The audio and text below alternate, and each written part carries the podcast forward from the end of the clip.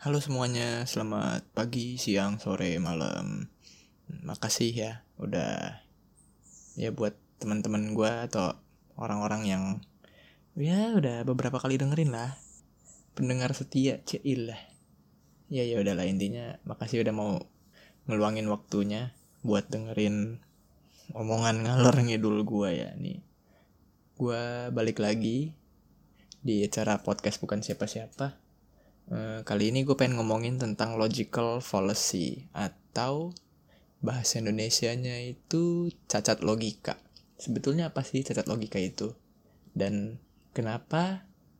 Bukan kenapa ya, tapi apakah cacat logika itu penting sampai-sampai gue bikin satu episode ngebahas tentang si logical fallacy ini. Jadi apa sih sebetulnya logical fallacy itu? Logical fallacy adalah sebuah uh, kesalahan di dalam penalaran atau penggunaan alasan yang nggak valid ya, yang nggak sah di dalam membangun argumen. Jadi misalnya kayak lu berpendapat bahwa ya pendapatnya itu nanti kita simpan aja ya karena itu bakal jadi inti dari pembahasannya. Terus kenapa sih balik ke pertanyaan dua itu ya kenapa sih logical fallacy itu penting? Iya, karena menurut gue si logical belajar logical fallacy ini supaya melatih kemampuan kita berargumen. Tentu aja kan tadi kesalahan di dalam berargumen. Melatih kemampuan berargumen lu supaya terus koheren dan tidak bertabrakan satu dengan yang lainnya. Karena kadang-kadang kalau misalnya lu ngobrol tentang A dan berganti topik tentang B dan lu menggunakan penalaran yang sama itu outputnya bisa dua dan bertabrakan. Nah belajar logical fallacy ini melatih supaya di tiap argumen lu dalam berbagai topik itu bisa terus koheren, selaras. Dan juga untuk apa ya untuk mengurai kekusutan di dalam cara lu berpikir. Kan apa yang lu sebut itu asalnya dari pemikiran lu kan? Apa yang lu pikirkan itu yang keluar dari mulut lu Nah itu melatih supaya mengurai kekusutan pikiran lo tuh dan konsistensi antara pikiran dan perbuatan. Karena kayak misalnya lo ngomong A tapi di real life yang lo lakukan malah negasi dari A. Itu kan ya lo kalau kayak begitu gimana bisa jadi orang yang bisa dipercaya ya apalagi kalau misalnya di dunia bisnis gitu bokap gue dulu pernah bilang di dunia bisnis itu yang nomor satu harus dipegang itu kepercayaan. Karena sekali lu udah nggak bisa dipercaya udah bisnis lu bisa kelar. Karena siapa yang mau berbisnis dengan orang yang gak bisa lu percaya?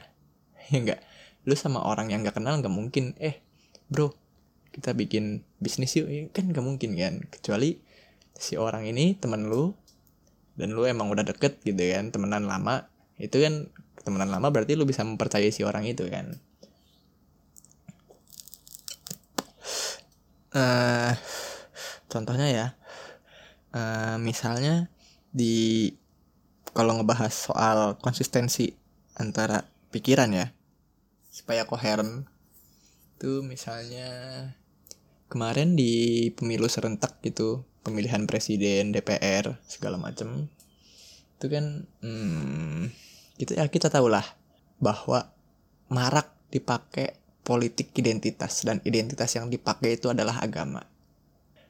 Ya kan banyak tuh kan ibaratnya konflik terjadi polarisasi abis-abisan tuh di dalam ranah agama.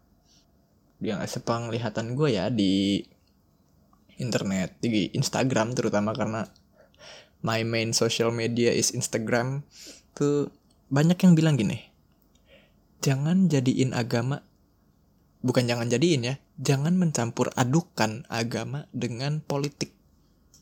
Kenapanya gue nggak tahu ya mungkin kenapanya beragam ya karena mungkin bisa aja uh, lu sama aja menjadikan agama ini sebagai komoditas.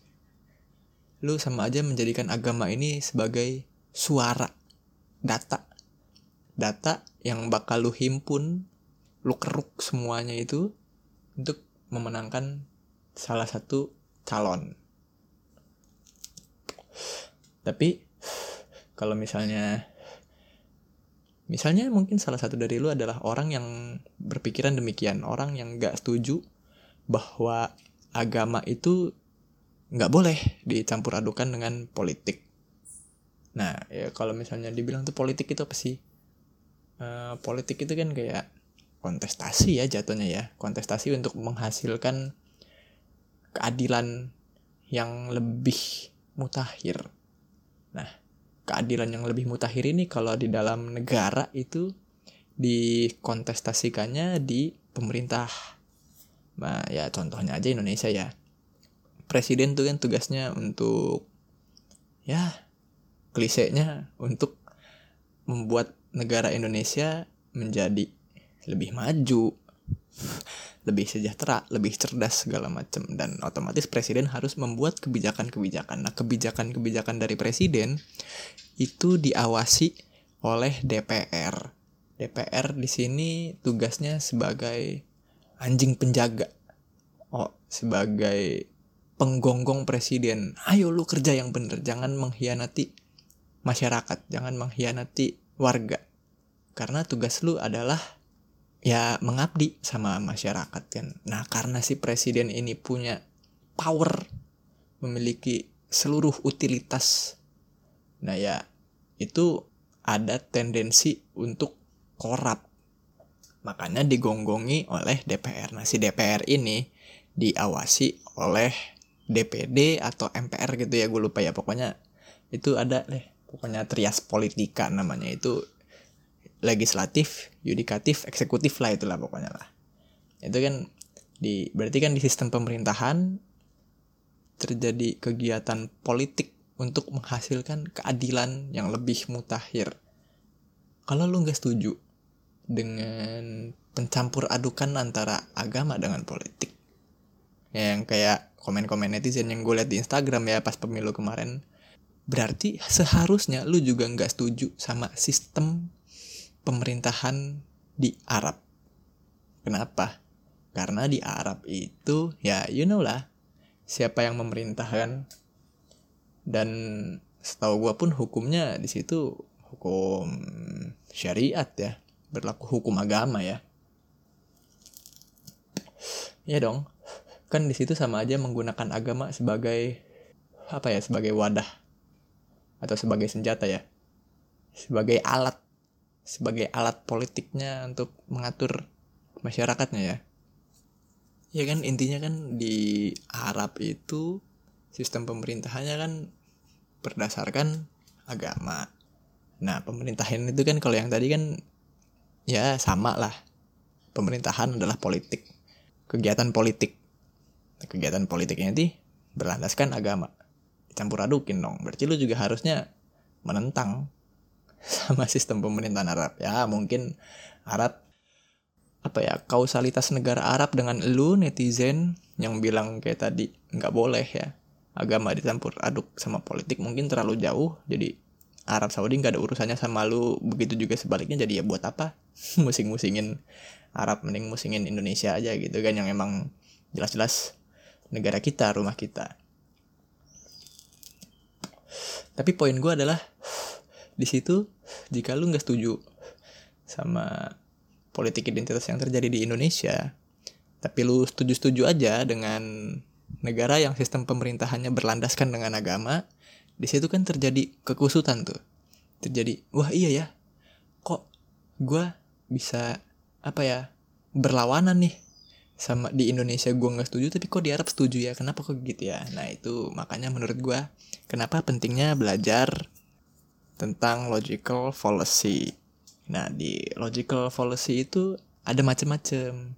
Ada banyak jenisnya yang yang gua tahu ya itu ada 20-an lebih 25 apa. Tapi mungkin di luar sana juga lebih banyak lagi, mungkin ada 30 atau 50 yang jelas se berarti sedikit-dikitnya itu ada 20-an lebih, ada 25. Gua nyimpen itu lu cari di Google banyak kok daftar logical fallacy atau daftar cacat logika itu banyak lah itu bisa dipelajarin. Nah di sini yang bakal gue terangin ya ada berapa ya? Ada lima deh ya.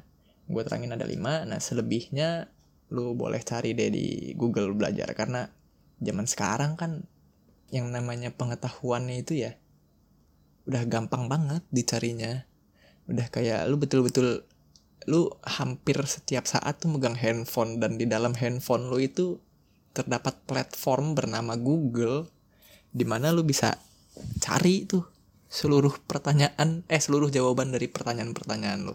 Ya mungkin gak seluruhnya ya tapi sebagian besar. Tapi begitulah gampang banget buat mencari pengetahuan baru. Oke langsung aja.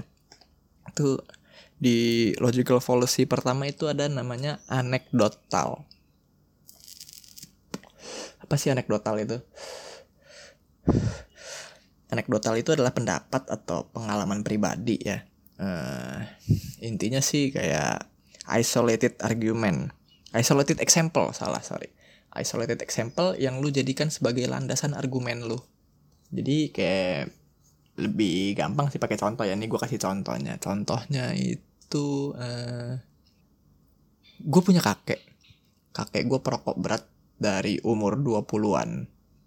Dia ngerokok dari umur 20-an dan dia meninggal di umur 80, let's say. Berarti itu dia ada 60 tahun selama 60 tahun itu dia satu hari ngerokok tuh sebungkus, sebungkus, sebungkus setiap hari selama 60 tahun.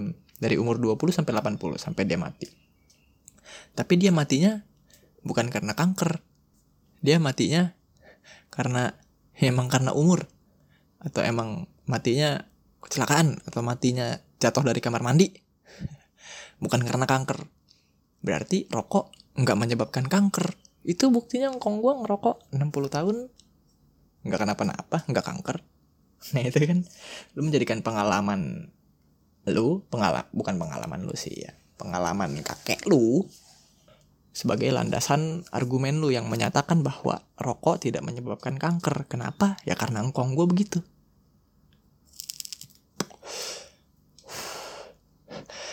Hanya karena engkau lu nggak kena kanker itu tidak memfalsifikasi fakta bahwa rokok menjadi penyebab kanker. Ya emang penyebab kanker ada banyak ya ada ada karena rokok, karena apalagi karena polusi, karena asap kendaraan, ya banyak macam lah itu. Salah satunya rokok. Hanya karena engkong lu nggak mati karena kanker, walaupun ngerokok sekian puluh tahun ya nggak menafikan itulah. Terus yang kedua apa yang kedua ya? Strawman yang kedua itu Strawman. Strawman itu apa sih?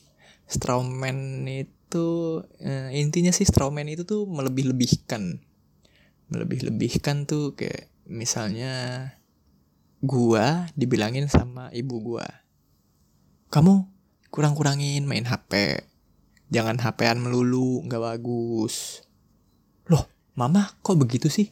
Mama pengen aku dijauhin teman-teman aku. Mama pengen aku nggak tahu tentang berita-berita apa aja yang terjadi di luar sana sekarang ini. Mama pengen aku goblok gitu ya. Mama pengen aku kudet. Oh jadi mama jahat banget ya sama aku ya? Itu kan kayak kesannya terlalu melebih-lebihkan ya.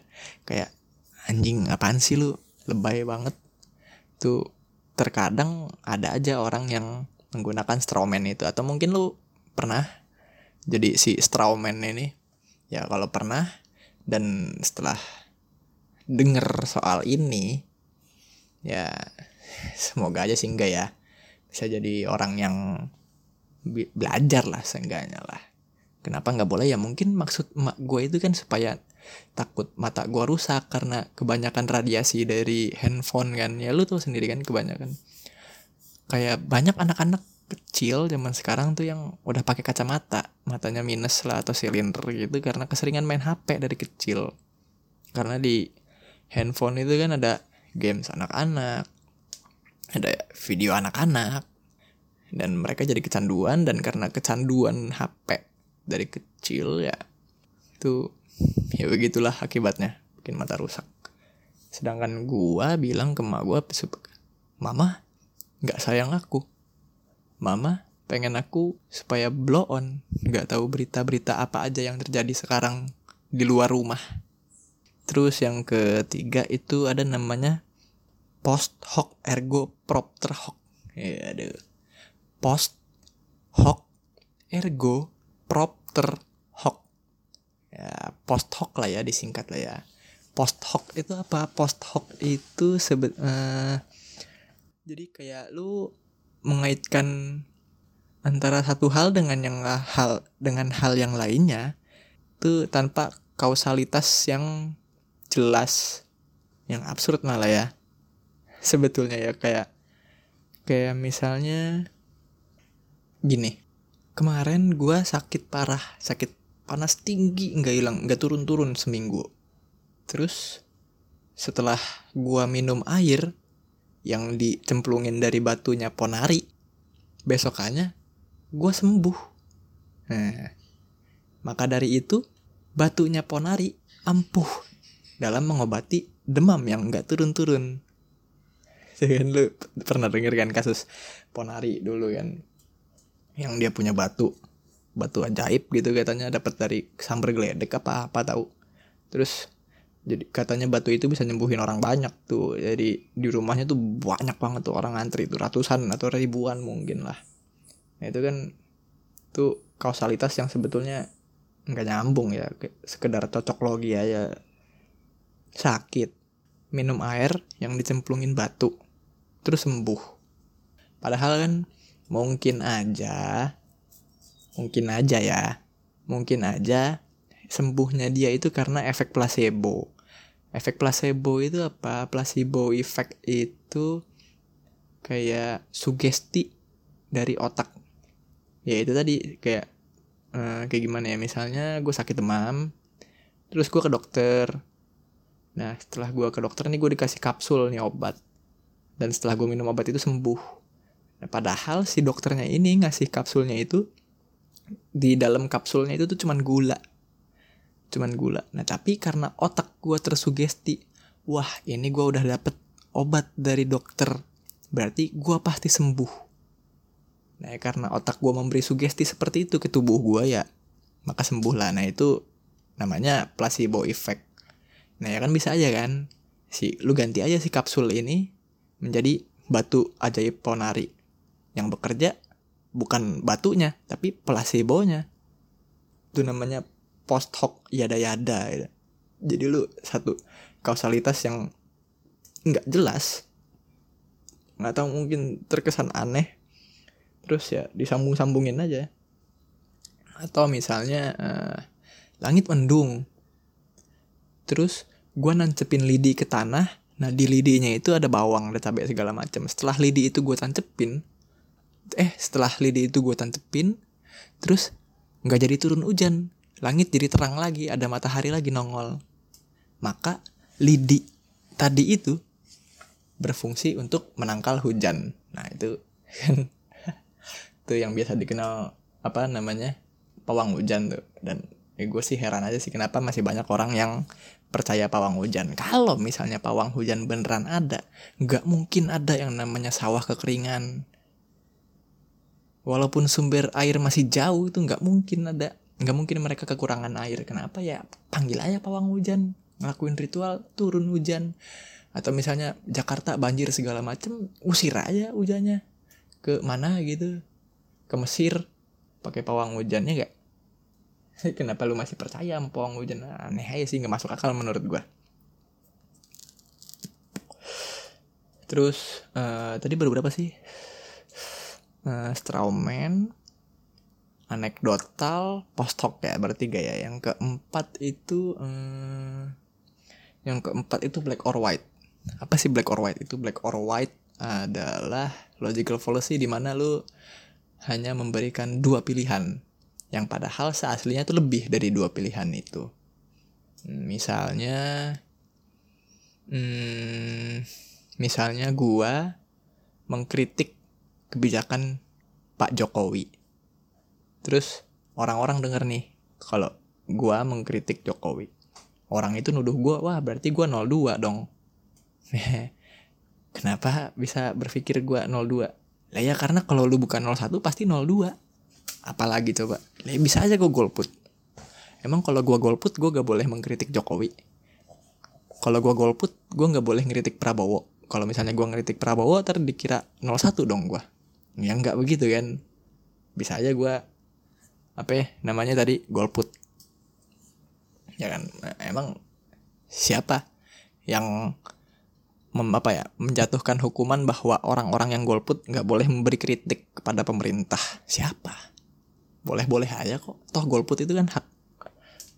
Hak. Nah ya kalau kalau ngomong-ngomong hak ya itu kalau nggak salah gue sempet bahas deh di masalah oh di episode pertama ya kalau nggak salah ya, tentang undang-undang penistaan agama di undang-undang penistaan agama eh di ya episode penistaan agama itu gue menjeberkan sih berusaha menjeberkan apa itu hak. Hak itu sifatnya seperti apa dan kenapa hak itu harus dilindungi oleh negara. Ya seperti itulah. Jadi kalau misalnya lu kepo boleh denger di episode 1 kalau nggak salah ya penistaan agama. Terus eh, yang terakhir yang terakhir itu misalnya apa ya ah yang terakhir itu ad hominem. Ad hominem itu apa ad hominem itu lu menyerang personnya langsung. Menyerang orangnya langsung bukan menyerang argumennya. Ya yang gue pakai contoh nyata aja deh ya. Misalnya kayak si ini Rocky Gerung. Rocky Gerung tuh kan lu tau lah si Rocky Gerung ini orang yang salah satu orang yang paling vokal dalam mengkritik Pak Jokowi. Nah itu beberapa kali dia berdebat tuh sama si siapa ya? Adalah sama samuan lah dari kubunya Jokowi. Ya sebut saja dia A. Sebut aja dia A. Nah si A ini setelah si Rocky Gerung menjeberkan kritiknya terhadap Jokowi wah kebijakan Jokowi begini begini begini begini segala macam A, A sampai Z disebutin semuanya. Si eh wah terus si A bilang wah kamu jangan melintir-melintir pemikiran rakyat dong. Kamu nggak boleh memberi kritik seperti itu. Kamu kamu tuh cuma lulusan S1. Saya ini doktor. Saya yang lebih paham. Bla. Itu kan kayak kayak maksudnya dia kan kayak lu tuh siapa? Lu tuh bukan apa-apa. Nih gua nih, gua dokter, gua lebih ngerti, lu nggak ngerti apa-apa. Maka argumen lu tadi kritikan lu terhadap Pak Jokowi tidak valid. Itu kan lu si A ini kan menyerang Rocky Gerung secara personal kan bukan menyerang argumennya. Ya argumennya nggak dibantahkan tapi si Rocky Gerungnya yang dikata-katain. Nah di situ sebetulnya orang yang melakukan ad hominem itu adalah orang yang paling kelihatan jelas gobloknya. Itu kan artinya lu nggak bisa mematahkan argumen gua. Nah karena lu kesel gak bisa matahin argumen gua ya lu kata-katain diri gua. Itu cukup eksplisit menampakkan kebodohannya dia. Ya ya udah itu udah udah lima ya. Ya eh, buat sisanya tuh masih berapa puluh lagi gitu lu bisa cari deh di Google banyak. Indian uh, belajar tentang apa pun sebetulnya berguna ya. Karena menurut gua nggak ada pengetahuan yang useless. Lu belajar tentang budaya belajar tentang tubuh belajar otomotif belajar apa pun intinya. Itu menurut gue pasti berguna untuk hidup lo uh, eh, gue pernah baca buku judul bukunya Kosmos Kosmos ini autornya itu Carl Sagan. Jadi uh, si di buku Kosmos ini Carl Sagan tuh berusaha menerangkan sains dalam cara yang mudah dipahami orang-orang awam. Kan kayak gue kan gue bukan orang yang berkecimpung di dunia sains ya. SMA aja dulu gue IPS kayak ngerti apa sih gue tentang istilah istilah istilah dari dunia sains. Nah si Carl Sagan ini berusaha menerangkan si sains ini dengan bahasa yang mudah. Nah di buku Kosmos itu ada bagian yang menceritakan tentang Johannes Kepler. Johannes Kepler ini siapa lu bisa googling sendiri deh. Kepler. Nah, si Kepler ini di buku itu dikatakan bahwa si Kepler mengatakan begini. Bebelit ya, ya intinya Kepler ngomong. Nah, jika alam semesta ini adalah ciptaan Tuhan, maka Tuhan pasti pengen kita untuk mengetahui alam semesta ini. Mengetahui ya, mengetahui alam semesta ini. Alam semesta ini telah menunggu ribuan tahun untuk dibuka. dan saatnya kita untuk membaca buku bernama Alam Semesta ini. Terima kasih semuanya telah mendengarkan. Dadah.